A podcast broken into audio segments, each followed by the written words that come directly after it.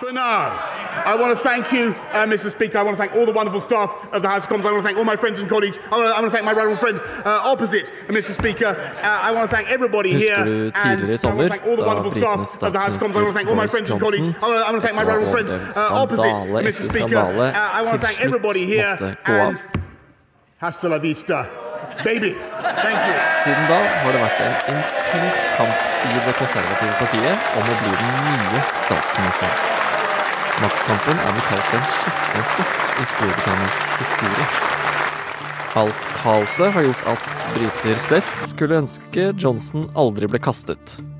Men nå er etterfølgeren valgt. Therefore, I give notice that Liz Truss is elected as the leader of the Conservative and Unionist Party. Liz Truss er britenes nye statsminister.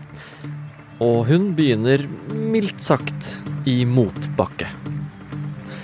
Det er tirsdag 6. september. Jeg heter David Vekoni, og du hører på Forklart fra Aftenposten. Jeg tror det å følge britisk politikk i høst forhåpentligvis blir med færre skandaler, færre anklager og mindre fokus på statsministerens personlighet.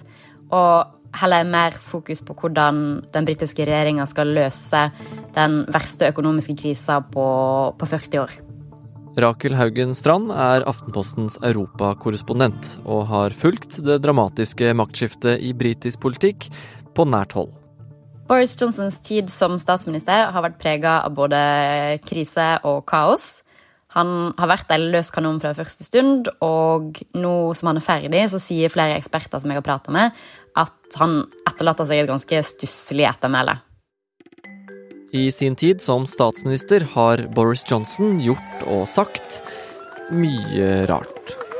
Why are we sending 10 billion pounds a year net to Brussels? Some of which is spent, my friends, you know, some of which is spent on Spanish bullfighting. And I want to begin today by renewing my apology to the House, uh, to the whole country, for the short lunchtime gathering on the 19th of June 2020 in the Cabinet Room. Men han ble også lagt merke til lenge før han ble statsminister.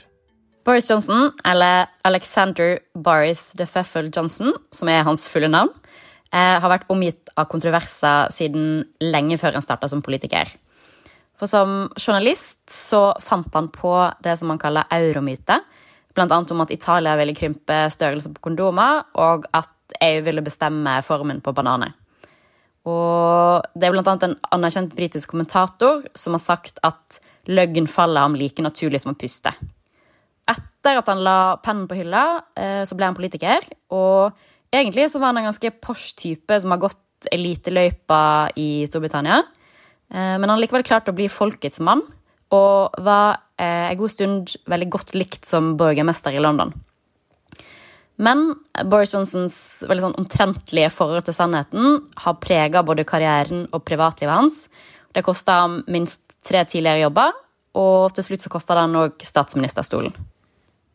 Ja, men det tok litt tid før den stolen røyk. Ja, det Han overlevde ganske mange kriser før, før det røyk. Um, blant annet den mye omtalte Partygate-skandalen.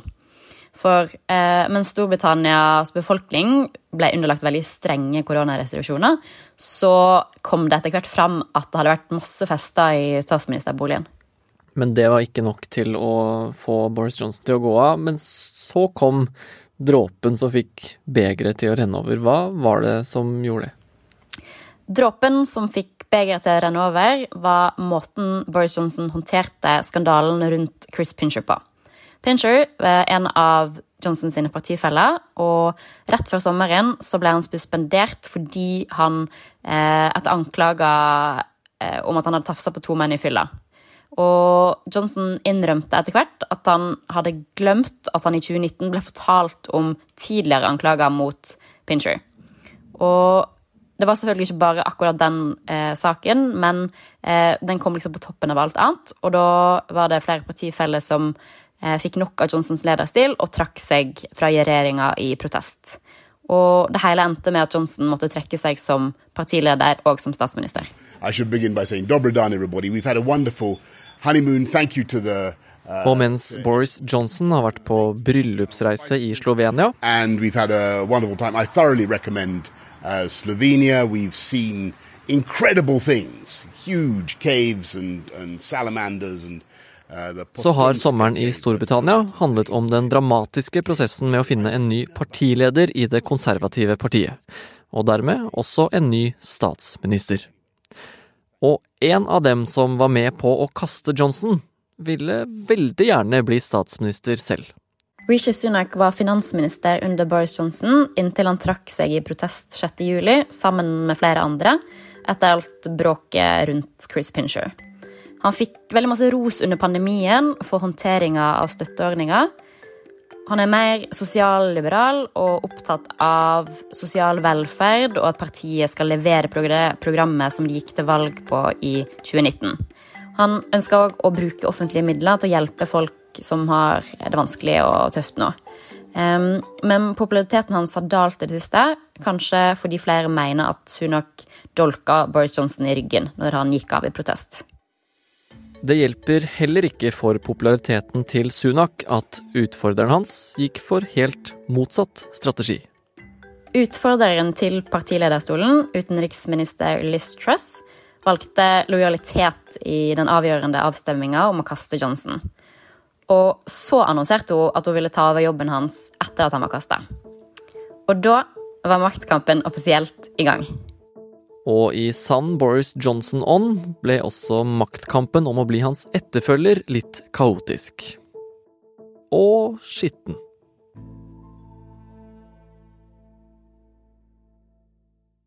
Ok, Rakel, så etter mange skandaler måtte Boris Johnson til slutt eh, gå av, og to kandidater hadde veldig lyst til å ta over jobben hans.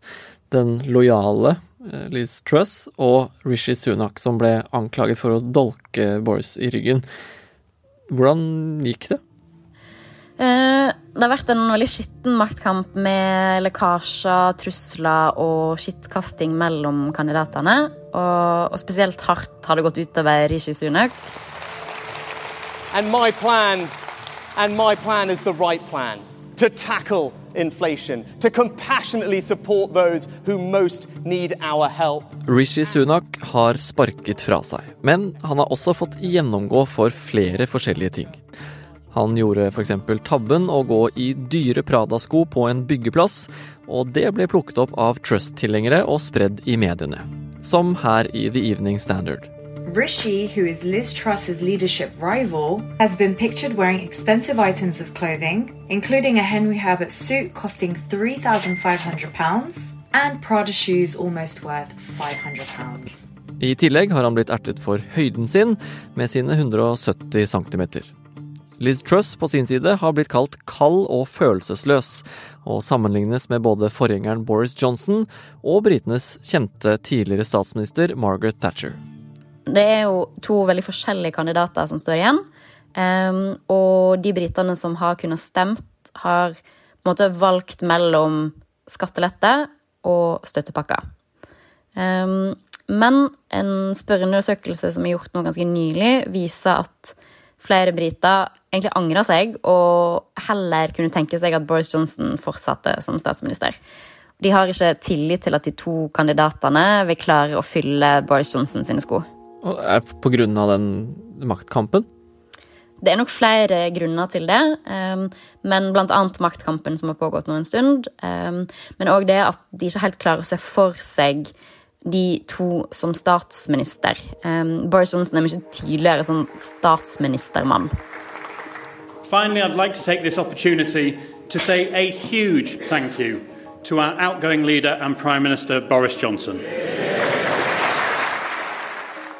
Men en vinner måtte kåres, og mandag bestemte partifellene i det konservative partiet seg for hvem som skulle bli den nye partilederen deres.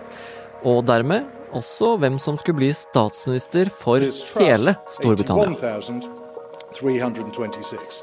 Therefore, I give notice that Liz Truss is elected as the leader of the Conservative and Unionist Party. We'll come up on Liz Truss blir gjerne sammenligna med britenes tidligere statsminister Margaret Thatcher, som fortsatt blir huska som har vært ganske beinhard. Um, Liz Truss ønsker å bruke mindre offentlige midler, senke skattene og øke forsvarsbudsjettet. Litt samme type politikk som Thatcher førte på 80-tallet. Men samtidig så har Liz Truss en ganske folkelig tone. Uh, hun driver og tuller i debatter og er liksom kjapp i replikkene. Og det er kanskje noe som har gjort at hun har sjarmert uh, enkelte briter. Men nå har uh, likevel britene mindre tillit til sin nye statsminister enn til han som måtte gå av etter flere skandaler. Hvordan påvirker det jobben som Liz Truss skal ta fatt på nå? Det vil nok ta lang tid å overbevise velgerne om at hun er statsministerstolen verdig. Eh, hun er jo ikke valgt av hele Storbritannia, kun medlemmene til det konservative partiet som nå sitter med makta. Ja, og selve partiet har jo nettopp da vært gjennom en kaotisk eh, valgkamp. Hvordan påvirker det jobben til Liz Truss? Den nye statsministeren har en stor utfordring foran seg, nemlig å samle det konservative partiet. Nå har det vært mer fokus på Boris Johnsons personlighet og skandalene rundt han og partiet enn det har vært på selve politikken. Og jeg tror nok at velgerne nå ønsker seg en klar politisk retning. Hva skjer hvis hun ikke klarer å samle det partiet, da? Da kan hun ende opp som sine forgjengere, både Boris Johnson og Theresa May, som begge måtte trekke seg etter massiv kritikk. I tillegg til å overbevise både den ene og den andre om at hun er rett kvinne for jobben, så er også den jobben usedvanlig vanskelig. Britene står jo overfor en veldig vanskelig situasjon nå. Eh, for landet preges av veldig høy prisvekst. De har stor gjeld, de har ekstremt høye energipriser, og de står altså midt oppi den verste levekårskrisa på 40 år. Så, altså, så mange som halvparten av britene kan havne i fattigdom etter at de har betalt strømregningene sine i vinter. Og det blir det nok ganske vanskelig for den nye statsministeren å skulle finne en god løsning på. Ja, Så det er ikke sikkert at det blir roligere tider i britisk politikk fremover heller? Det blir muligens litt kjedeligere i britisk politikk fremover uten Boris Johnsons fargerike karakter, men langt fra rolig blir det nok for Storbritannias nye statsminister. For eh, hun må nok håndtere både den økonomiske krisa og energikrisa som landet står overfor. Samtidig så kan man jo håpe seg at det blir færre skandaler og litt mindre festing i statsministerboligen.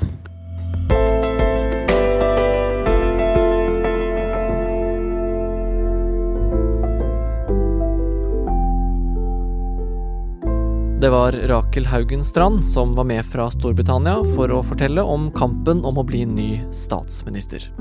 Du har hørt lyd fra The Evening Standard og nyhetsbyrået AP. Episoden er laget av Anders Weberg og meg selv, David Vekoni, og resten av Forklart er Jenny Førland, Anne Lindholm, Synne Søhol, Marit Erikstad Gjelland og Fride Næss Nonstad. En familie på fire dro til Danmark. Bare to av dem kom hjem. Har du en pappa? Det har ikke jeg. Podkastserien Overgangen fra Aftenposten er en historie om å lære seg å overleve, og om hvordan sorg kan oppføre seg på helt ulike måter. Julie er jo drivkraften min. Med henne så kan jeg ikke gi opp. Nå er de to første episodene ute. Jeg er 100% sikker på at det ikke var noe signal. Søk opp podkasten Fortalt i Podme eller i Aftenposten-appen. Du kan også bare google Overgangen.